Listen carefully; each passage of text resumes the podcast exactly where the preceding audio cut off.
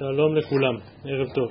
אנחנו בגמרא בדף ע"ו ואנחנו נשלים הערב בעזרת השם את הסוגיה שהתחלנו לעסוק בה אתמול, סוגיית כאן נמצאו וכאן היו בענייני חזקת הגוף כי גם שני הקטעים הבאים שבגמרא הם בעצם השלמה של הסוגיה שדיברנו אתמול וגם כאן מחלוקות גדולות ועצומות בין הראשונים. אני רוצה טיפה רק לחרוג ממנהגי ולפתוח בהערה אחת לא בדיוק קשורה לזה אבל אני משתף אתכם באשר על ליבי.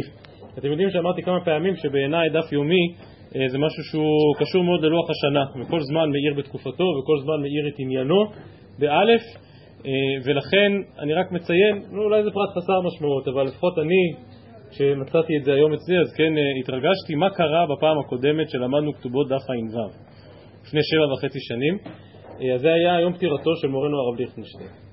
ולא יודע, הרגשתי שבי זה נגע, כלומר חלף סבב שלם של הש"ס, סיימנו בדיוק ש"ס שלם מכתובות דף ע"ו לפני שבע וחצי שנים ועד עכשיו אה, מיום הסתלקותו.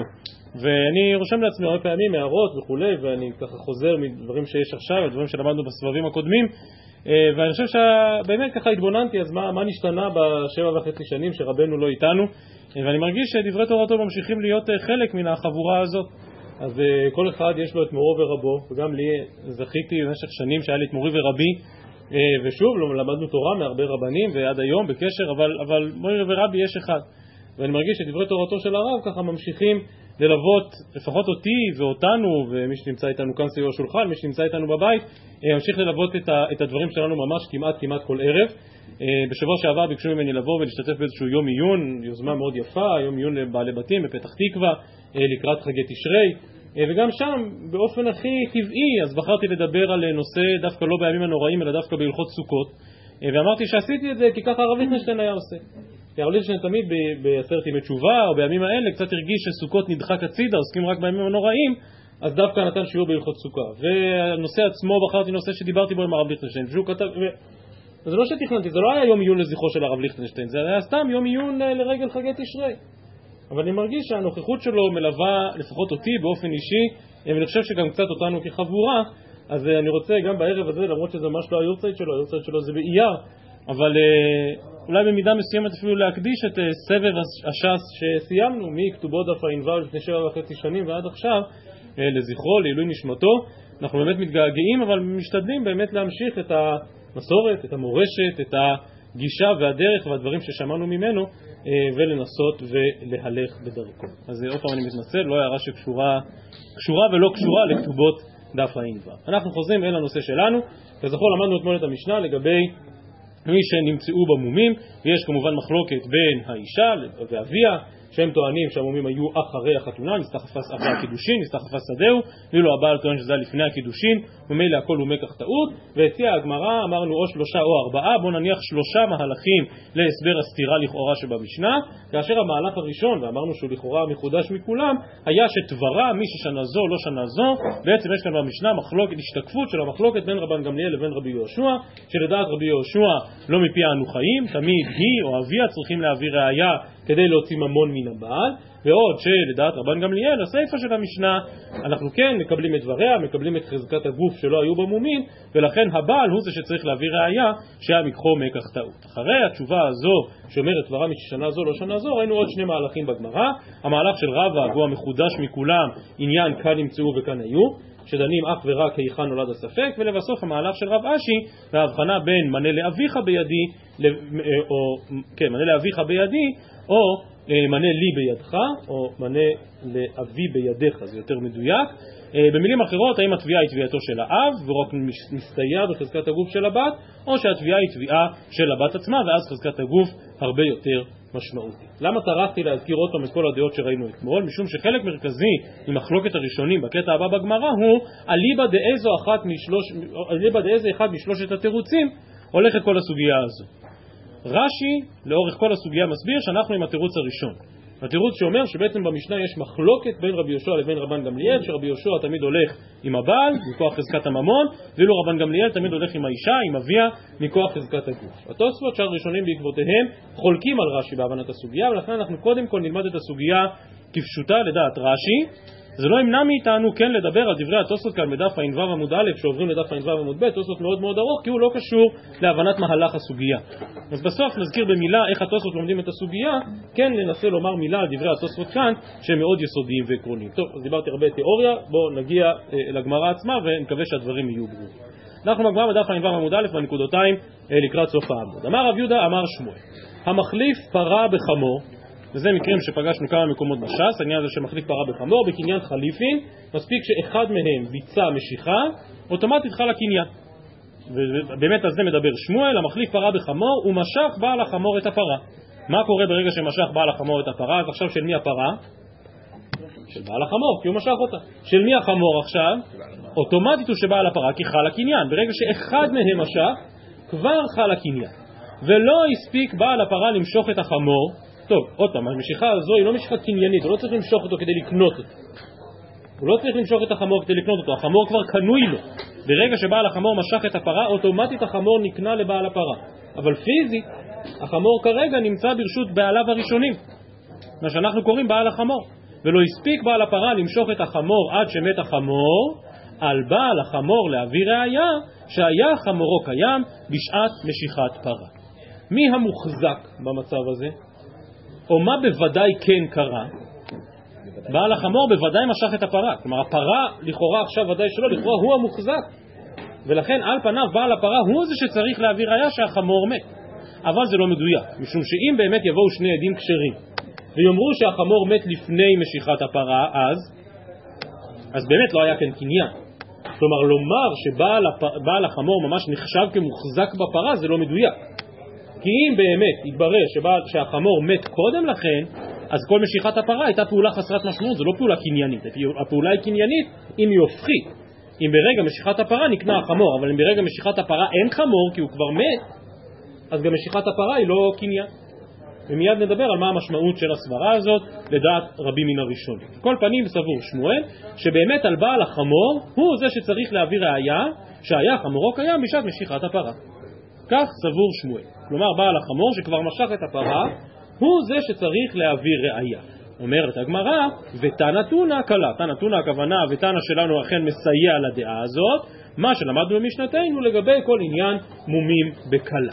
שואלת הגמרא, היי קלה, מאיפה בדיוק שמואל מביא את ההוכחה הזאת? אילי מה קלה בבית אביה, ועוד פעם, אנחנו הולכים עם רש"י, שמבין שכל מהלך הסוגיה כאן לפי רבי אלעזר, התירוץ הראשון, שתברה מי ששנה לא, זו לא שנה זו, כלומר כלה בבית אביה, דהיינו לדעת רבי יהושע, שבאמת אומר ברישא שלא מפי אנו חיים, ומה שקובע זה חזקת הממון של הבעל, ואי אפשר להוציא ממנו, וזה לא משנה אם המומים יתגלו בבית אביה או בבית בעלה. ככה או ככה, הבעל לא צריך לשלם את כתובתה עד שהיא תביא ראייה. זאת אומרת הגמרא מי דמי, האם זה דומה? הרי הטעם, מה דורש רבי יהושע? מה איתי אב ראיה או מה פיק? רבי יהושע אומר שהיא חייבת להביא ראיה, אם היא רוצה לקבל את כתובתה היא חייבת להביא ראיה. אם היא לא תביא ראיה היא לא תקבל את כתובתה. אבל האחה, מה בעל החמור רוצה? להוכיח שהחמור היה קיים בשעת המכירה כדי, כדי לומר שהמכירה תקפה. האחה מה איתי בעל החמור ראיה ומוקים. כלומר בעצם בעצם בעל החמור לא בדיוק מוציא מחברו, הפוך, בעל החמור כבר פיזית, איפה נמצאת הפרה עכשיו? אצל בעל החמור, אצלו, היא תחת ידו. הוא רק לא רוצה שיקחו לו אותה, כי אם נוכיח שלא היה כאן קניין, אז ייקחו לו את הפרה. ואם הוא יביא ראייה שבזמן הקניין, בזמן משיכת הפרה, החמור עדיין היה חי, אז, אז הפרה תישאר תחת ידו. ואם כן, זה לא דומה לרשע של המשנה, שבו מי שיביא ראייה, מה הוא יעשה באופן מובהק? יוציא ממון. אם האבא או האישה יביאו ראייה שהמום נפל אחרי הקידושין, אז הם יוציאו ממון מן הבת. ואילו כאן אם בעל החמור, כמו ששמואל דורש ממנו להביא ראייה, אבל ברגע שהוא יביא ראייה שהחמור היה קיים, אז, אז באמת הפרה תישאר תחת ידו. אז המקרים לא דומים. אמר רבי אבא, באמת מדובר על כלה בבית חמיר. ההוכחה מן הסיפא, דהיינו מדעת רבן גמליאל, שאומר, באמת חזקת הגוף של האישה שלא היו בה מומין, היא זאת שמכריעה. ואם הבעל רוצה להיפטר מחיוב כתובתה, אז הוא צריך להביא ראיה שהמומים האלה היו בה קודם לכן. אבל בלי זה, הוא באמת חייב לשלם. כלה בבית חמיר. ואותו דבר גם כאן, בעל החמור הוא זה שצריך להביא ראיה שהחמור עדיין היה חי. יפה. ובלי זה, אנחנו נוציא ממנו את הפרה שהוא קנה. לכאורה קנה כדת וכדין, אבל מהי החזקה? או, או, או שנייה, בשל מהי החזקה, זה המשפט הבא בגמר. אומרת הגמרא, רגע, אבל הקלטי לא דמי. הטעם, הבעל אמרת שלדעת רבן גמליאל, הבעל הוא זה שצריך להביא ראייה, נכון? הבעל צריך להביא ראייה שהמומים נפלו אחר כך, כי בלי זה יש לאישה חזקת הגוף שהייתה בלא מומים. כלומר, הטענה של הבעל, שאומר אני לא צריך לשלם לכתובה, הולכת בכיוון הפוך לחזקת הגוף שאומרת שלא היו בה מומים. אבל אצלנו אומרת הגמרא, והקתא לא דמי, הטם בעל מייטי ראיה ומר עלי לחזקי דאב, כלומר הראיה שלא תצטרך להוציא מן החזקה שיש לאבא, חזקת הגוף שאין לבת הזאת מומים. אבל הכא בעל החמור מייטי ראיה ומוקים חזקה בידי. כלומר אם תלך על חזקת הגוף, אז היה כאן קניין או לא היה כאן קניין? חזקה דמעיקרא, היה כאן קניין או לא היה כאן קניין? היה כאן קניין, למה? כי לחמור יש, איך זה נקרא? חזקת חיים, חזקה דמעיקרא, הרי ברור שכשסגרנו את התנאים לעסקה הזאת של המחליף פרה בחמור, ברור שהפרה הייתה חיה והחמור היה חי. ולכן יש כאן חזקה דמעיקרא שהקניין חל. במקרה של רבן גמליאל של הסעיפה של משנתנו, הבעל צריך להביא ראייה כנגד חזקת הגוף. חזקת הגוף אומרת שאין מומים, יבוא הבעל ויוכיח, לא, היו מומים עוד לפני הקידושין. אבל כאן, כשאתה אומר שעל בעל החמור להביא ראייה, אז חזקת הגוף אומרת ש...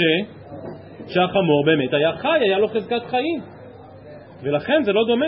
הטם בעל מייטי ראייה הוא מר עלי לחזקה דעה, אבל אחא, בעל החמור מייטי ראייה הוא מוקים חזקה בידי, כלומר הוא צריך להביא ראייה, למרות שלכאורה חזקת הגוף תומכת בו. אמר רב נחמן בר יצחק, הוקימתא מחודשת, מדובר פה על מצב של כלה בבית אביה, באמת על הרישא של המשנה, אבל הדיון כאן הוא לא אם הבעל חייב לה את כתובתה, אלא הדיון כאן הוא על הקידושין. מה זאת אומרת על הקידושין? מדובר פה על מצב, כמו ברוב המצבים, שהבעל קידש את האישה הזו בכסף, ואם יתברר שהכל היה מקח טעות, אז, אז לא זו בלבד שהוא לא מוכן לתת גט, ולא זו בלבד שאין מה לדבר בכלל על חיוב כתובה, אלא הוא אפילו הוא אפילו מבקש את הכסף בחזרה כי הוא אומר אם לא היו פה קידושין אז את אותה טבעת שעולה אלפיים שקל שקניתי לך וקידשתי אותך בטבעת למרות ששאלנו את העדים תחת החופה אם יש בה שווה פרוטה ואמרו רק שווה פרוטה אבל באמת הטבעת הזאת שווה אלפים? אז אני רוצה אותה בחזרה.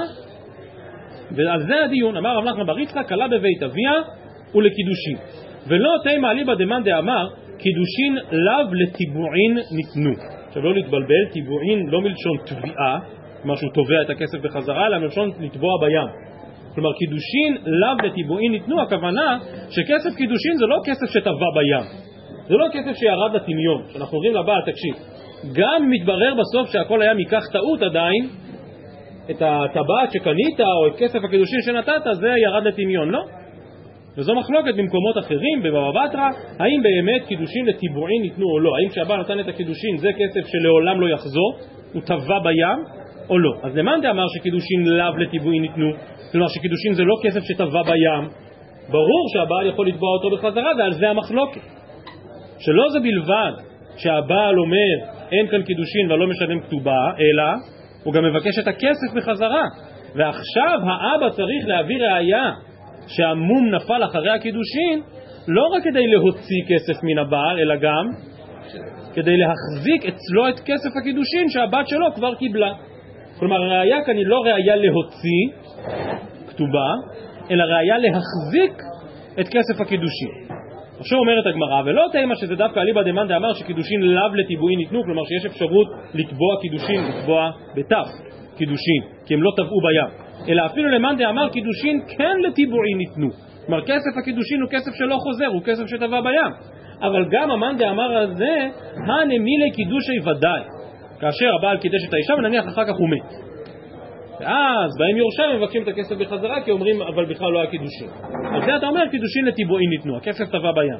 אבל קידושי טעות, כמו בטענה אצלנו, באמת אם הייתי ראייה אין, דווקא אם הוא הביא ראייה שבאמת הקידושין לא חלו, סליחה, שהקידושין חלו והמום נפל לאחר מכן, אז הוא יוכל להשאיר אצלו את הכסף, אבל אם אין לו ראייה כזאת, פה ודאי שאפשר להוציא את הכסף, כי הקידושין לאו לטבעין. אז זו אם כן הסוגיה, וכאמור פירשנו אותה לפי פירושו של רש"י, שמסביר שכל האוקימתא היא לפי המהלך של אה, רבי אלעזר, שדברה מי ששנה זו לא שנה זו, והרישא הכוונה דעת רבי יהושע, והסיפא הכוונה דעת רבן גמליאל. כאמור התוספות כאן בדיבור דף ע"ו עמוד ב', בדיבור המתחיל כלה בבית אביה ולקידושין, התוספות כאן חולקים על רש"י, אומרים לא יכול להיות למד את כל הסוגיה כדעה שאיננה כהלכתה, ולכן אומרים שהסוגיה כאן היא אליבא דרב אשי. אליבא דהצירוץ האחרון, ומסבירים את כל מהלך הסוגיה בשאלה האם בעצם הבת תובעת את הכסף ונהנית מן החזקה שלה עצמה, שזה המקרה של הסיפא, לעומת במקרה של הרישא, כאשר האבא הוא זה שתובע, ואז זה מנה לאביך בידי, דהיינו שבעצם חזקת הגוף איננה שלו, כמובן שלפי זה צריך להסביר יותר טוב מתי, או קצת לא, לא נעים להגיד את זה ככה, אבל ככה התוספות מסבירים, שכמו ששמה חזקת הבת, לא, חזקת הגוף של הבת לא בהכרח מועילה לאבא, ככה גם חזקת החיים של החמור לא בהכרח מועילה לבעליו. כי זה חזקה שלו, זה לא החזקה שלו. טוב, כמובן היה אפשר לחלק בין הדברים, אבל זה מה שיוצא במהלך הסוגיה לפי פירושם של התוספות. אז כאמור, לא נפרש כל קושייה וכל תירוץ לפי שני המהלכים, הסברנו לפי רש"י, אבל אני כן רוצה לחזור רגע אחורה לתוספות המאוד ארוך שאתם רואים כאן, מתחיל בדף ע"ו עמוד א', וזה תוספות שמדבר על עצם ההלכה של שמואל. על המחליק פרה בחמור, ואחר כך מת החמור, ואנחנו מנסים לדעת מתי בדיוק החמור מת, וכאמור שמואל סבור שמי שצריך להביא את הראייה, מי שצריך להביא את ההוכחה, זה דווקא בעל החמור. והתוספות באמת מנסים דרכים שונות ומהלכים שונים כדי להסביר אז למה באמת בעל החמור הוא זה שצריך להביא ראייה. אחד, אחד הנקודות המשמעותיות שנידונה כאן בתוספות, וזה בעצם במקור הסוגיה שם במציע לגבי המחליף פרה בחמור, זה המושג של חזקת מרה קם. חזקת הבעלים הראשונים. כלומר, באמת בעל החמור כבר משך את הפרה, אבל, אבל עכשיו יש ספק האם היה כאן קניין. בא בעל הפרה וטוען עד לפני חמש דקות, כלומר עד לפני שעשית את המשיכה אין חולק על כך שהפרה הייתה שלי. והשאלה הגדולה האם חזקת מרקמה מועילה במיטלטלין, כי ברור שחזקת מרקמה מועילה ב... בקרקעות. כל הרעיון של בעלות על קרקעות מבוססת על חזקת מרקמה. האם במיטלטלין יש משמעות לחזקת מרקמה? מצד אחד, לכאורה כן, למה? כי זה בדיוק המשמעות של חזקה דמעיקרא. מה זה חזקה דמעיקרא שאנחנו מדברים עליה גם אתמול וגם הערב? מה זה חזקה דמעיקרא? אני, יש פה כרגע איזה ספק שהתעורר, איזושהי אי בהירות, מה אני עושה? חוזר אחורה. לא יודע כמה בוגרי צבא יש כאן סביב השולחן. התברברת בניווט. מה עושים כשהתברברת בניווט? מוסא הוא לוחם ותיק. מה עושים כשהתברברת בניווט? חוזרים לנקודה האחרונה שבה אתה יודע מה היה המצב, ומשם ממשיכים. זה המשמעות של חזקת מרא קמא. ולכן מן הצד הזה חזקת מרא קמא יכולה להיות משמעותית גם במיטלטלין. מצד אחד. מצד שני, מיטלטלין במהותם, וזה בדיוק ההבדל בין מיטלטלין לבין קרקעות, ברגע אחד זה ביד הזאת של ראובן, ושנייה אחר כך זה עבר ליד של שמעון. כלומר, חזקת מרקם היא באמת מאוד מאוד מיטלטלת, היא מאוד לא יציבה ואפשר לשנות אותה ברגע.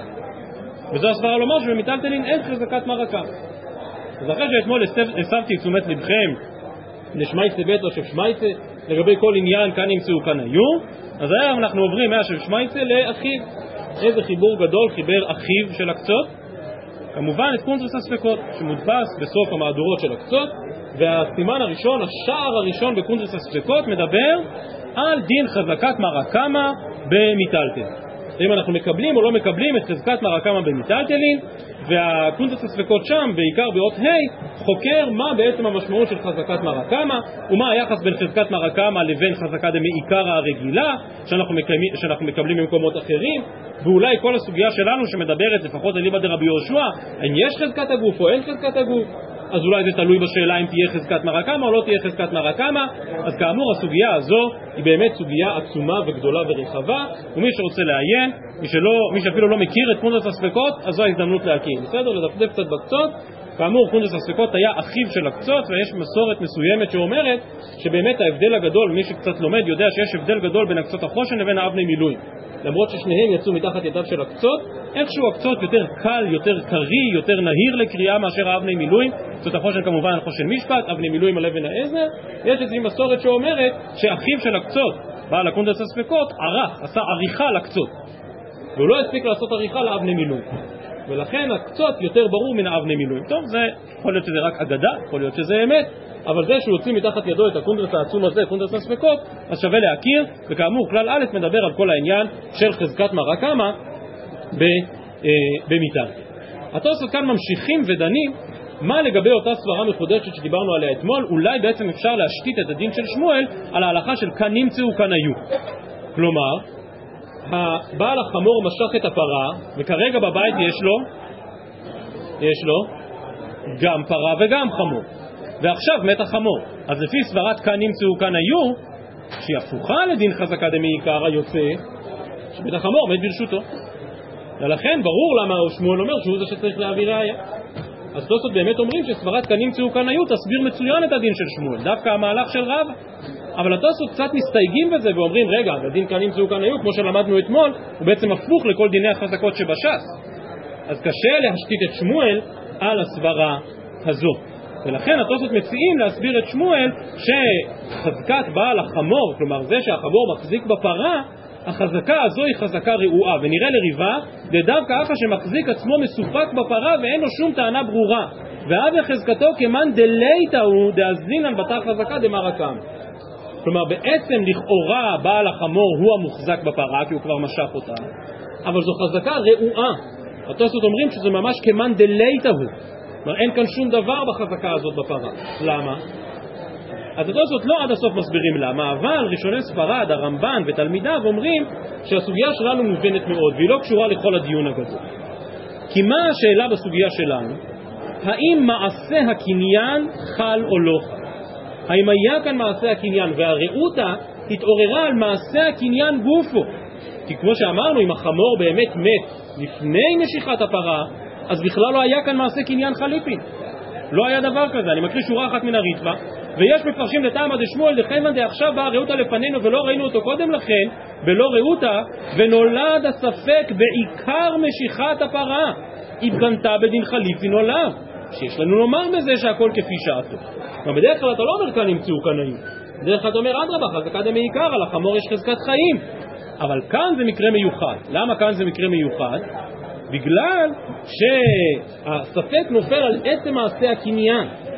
והיות שאתה לא יודע אם מעשה הקניין הזה חל, ממילא בעל החמור הוא זה שצריך להביא ראייה. עכשיו, בד בבד יש כאן דיון גדול בראשונים, אז באמת ברשות מי נולד הספק? אם אתה מדבר על הרשות הגיאוגרפית הפיזית, אז ברשות מי נולד הספק? בעל החמור. הכל קורה אצלו בבית, כאמור בבית שלו יש פרה שהוא משך, יש גם חמור מת. אז הכל פיזית, גיאוגרפית, הכל קורה אצלו. מצד שני, יש גם סברה לומר, ואני חושב שבגלל זה התבלבלתם, שבעצם הספק נולד ברשות בעל הפרה. כלומר, בעל החמור, הוא כבר סיים את החלק שלו בדיון כאן, הוא כבר משך את הפרה.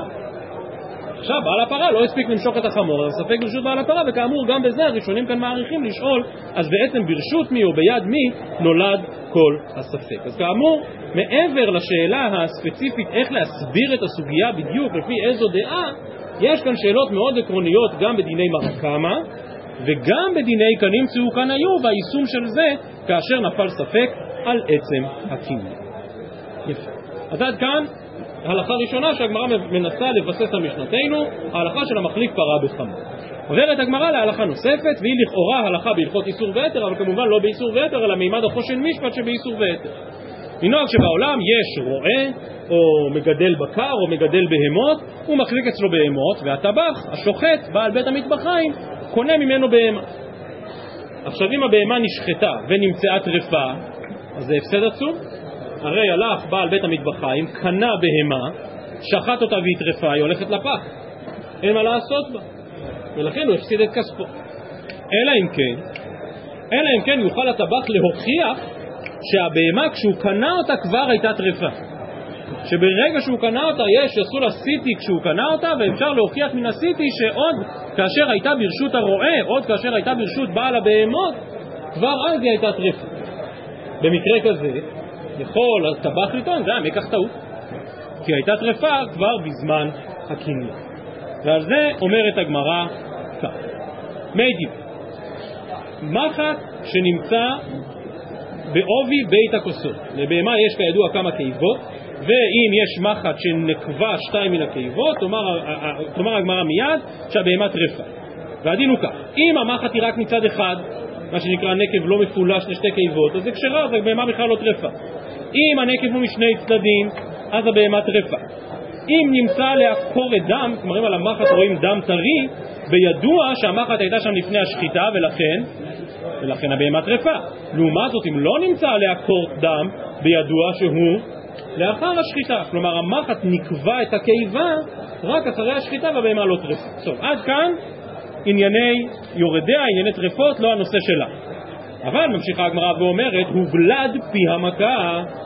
כלומר, אם מצאת מחט נקובה, ואתה רואה שממש יש גלד על הנקב הזה, בידוע ששלושה ימים קודם שחיטה, זה מה שחיפשנו. כלומר, אם השוחט מצא מחט עם גלד, הוא רשאי לחזור לבעל הבהמות ולהגיד, הכל היה מקח טעות. יש כאן הוכחה ניצחת ש... שהבהמה הייתה טרפה כבר כשאני קניתי אותה. ולכן זה מקח טעות, אנא תחזיר לי את הכסף. אני קורא שוב, לא נמצא עליה, אה, סליחה, הוגלד פי המכה בידוע ששלושה ימים קודם שחיטה.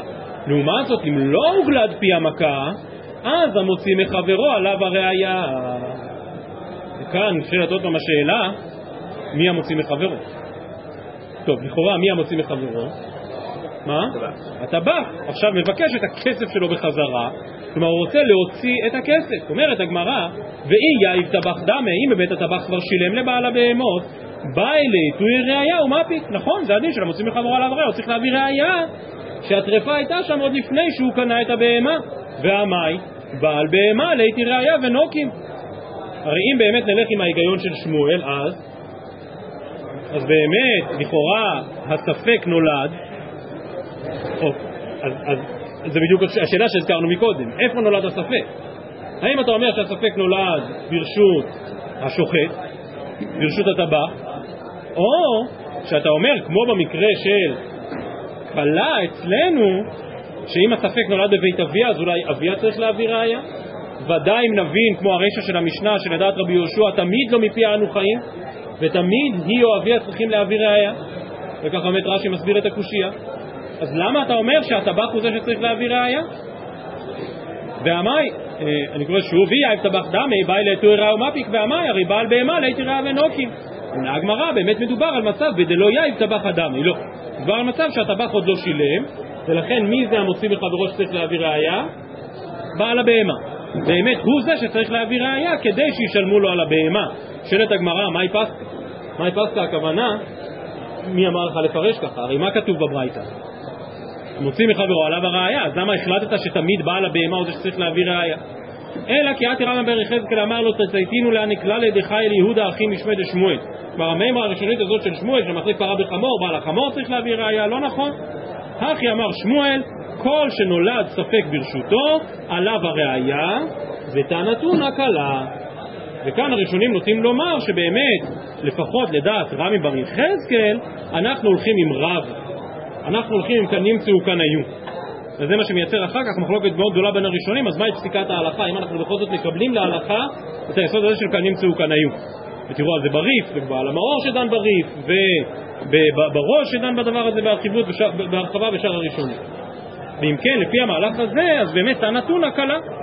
כלומר, אם זה נולד ברשות הבעל, אם, או במקרה שלנו, אם הטבח עוד לא שילם, אז הספק נולד ברשות הרועה, ואם הטבח שילם, אז הוא זה שצריך להביא ראייה, ואת הנתון הקלה. בבקשה, הגמרא מיטיב ואימחת שנמצא בעובי בית הקבוצות, אמרנו שאם יש ספק, אז המוציא מחברו עליו הראייה. אבל אם תאמר דלא יאיב טבח דמי, אז בעל, בעל הבהמה, באי ליתוי ראייה ומפיק, והמאי. הרי סוף כל סוף די ברור, כמו שאמרנו מקודם, שספקה ברשות הטבח התייעלי. שהספק לא נולד אצל בעל הבהמה, ברור שהוא נולד אצל הטבח, כי הבהמה כבר אצלו. עונה הגמרא, דיהיב טבח דמי. פה ודאי שצריך לעשות אוקימתא שבאמת הטבח כבר שילם, והיות שהספק נולד ברשותו, אז אז על זה נאמר שהמוציא מחברו עליו הראייה. דהיינו שהטבח הוא זה שצריך להביא ראייה, ושוב שואלת הגמרא, מאי פסקה? הרי לפי דבריך, אם הטבח עוד לא שילם, מי צריך להביא ראייה? עדיין הטבח, כי הספק נולד ברשותו. אבל אם ככה זה לא המוציא מחברו עליו הראייה, הספק נולד ברשות הטבח, אבל בעל הבהמות הוא זה שצריך להביא ראייה, כי הוא זה שרוצה להוציא. ומהי פסקה? עונה הגמרא לא, סתמא דמילתא, כמה דלא יאיב איניש זוזי, לא יאיב איניש חייבה. כלומר, במקרה הרגיל, ברור שהטבח כבר שילם. לא, אין, אין מתנות בהקפה. לא יכול להיות שהוא לקח את זה בלי לשלם.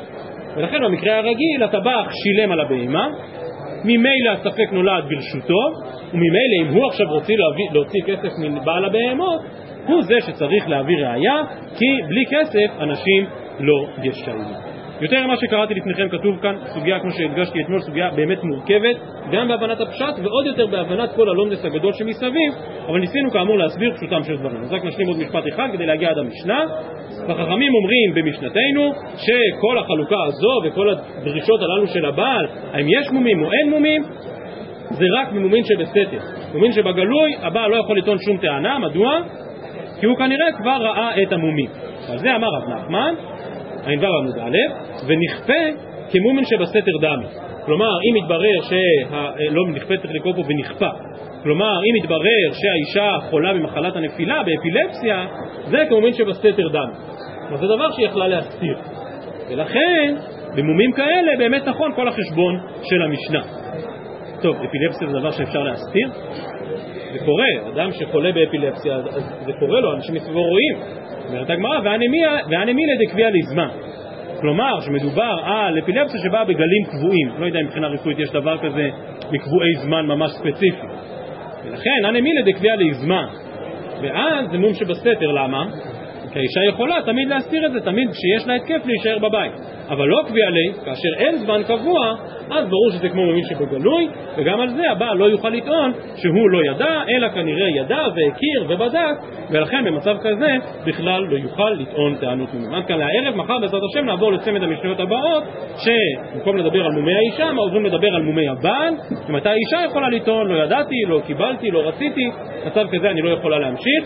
אני רק מודיע מה שסוכם אתמול בערב, שבימי שלישי אנחנו נלמד בשעה רבע לשבע. יש כאן ערבית בשבע ורבע, לכן אנחנו נלמד בסוף סדר צהריים, באופן קבוע בימי שלישי ברבע לשבע, כי יש שיעור בתחילת סדר ערב. אז כל ערב בשמונה, ימי שלישי ברבע לשבע, זה בעזרת השם יהיה הלו"ז במהלך זמן חורף. ערב טוב לכולם.